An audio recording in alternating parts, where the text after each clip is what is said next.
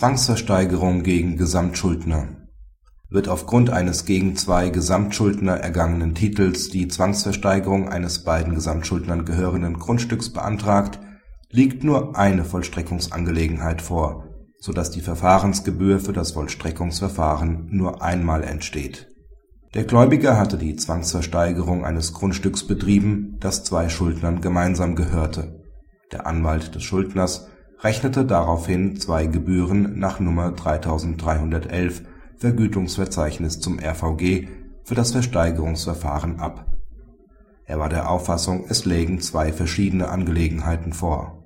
Zu Recht hat das Amtsgericht im angefochtenen Beschluss nur eine Gebühr nach Nummer 3311 Vergütungsverzeichnis zum RVG festgesetzt bei einem Zwangsversteigerungsverfahren gegen mehrere Schuldner, die gemeinsam Eigentümer des Versteigerungsobjekts sind, handelt es sich um eine einzige, nämlich dieselbe Angelegenheit, nicht jeweils um verschiedene Vollstreckungsmaßnahmen gegen jeden einzelnen Schuldner als Miteigentümer des streitgegenständlichen Grundstücks. Das Gericht folgt insoweit der überwiegenden Meinung der Kommentarliteratur, die im Fall einer Zwangsversteigerung eines beiden Eheleuten gehörenden Grundstücks nur eine Angelegenheit nach Nummer 9 ZVG als gegeben sieht und demzufolge die Gebühr nach Nummer 3311 Vergütungsverzeichnis zum RVG nur einmal anfällt. Die von der Beschwerdeführerin demgegenüber zitierten Entscheidungen betreffen andere Fälle. Der Fall der Räumungsvollstreckung gegen mehrere Mitbewohner trifft die vorliegende Konstellation gerade nicht. Dort sollen verschiedene Schuldner jeweils zu eigenen Handlungen veranlasst werden bei der Zwangsversteigerung steht demgegenüber die Versteigerung des Grundstücks selbst als einzelne Maßnahme im Vordergrund, auch wenn das zu versteigernde Grundstück mehreren Eigentümern gehört.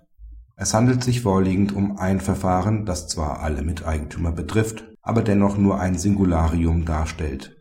Die gegenteilige Ansicht müsste dazu führen, im Fall einer vielköpfigen Miteigentümergemeinschaft gegebenenfalls ein Vielfaches oder gar ein Zigfaches der Gebühr der Nummer 3311 Vergütungsverzeichnis zum RVG zuzuerkennen.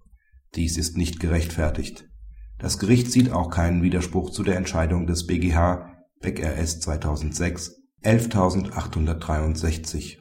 Danach gilt jeder gegen einen von mehreren Schuldnern gerichtete Antrag nach § 887 Absatz 1 und Absatz 2 ZPO als eine Angelegenheit im Sinne des § 15 RVG damals noch § 58 Brago). Insoweit komme es nämlich auf das Verfahren an, also ob die Mitglieder einer Miteigentümergemeinschaft jeweils persönlich auf Zahlung in Anspruch genommen werden und nicht das Grundstück selbst versteigert werden soll, oder ob auf ein gemeinsames Vollstreckungsobjekt (nämlich das Grundstück) zugegriffen werden soll. Praxishinweis Die Entscheidung ist zutreffend. Sie ändert aber nichts daran dass Zwangsvollstreckungsmaßnahmen gegen mehrere Schuldner, auch gegen Gesamtschuldner oder Eheleute, grundsätzlich eigene selbstständige Angelegenheiten sind. Das gilt auch für Vollstreckungen gegen Gesamtschuldner. Mag der Anspruch auch der gleiche und das wirtschaftliche Interesse dasselbe sein. Eine Streitgenossenschaft in der Zwangsvollstreckung gibt es nicht, selbst dann nicht, wenn gegen die verschiedenen Schuldner aus demselben Titel vollstreckt wird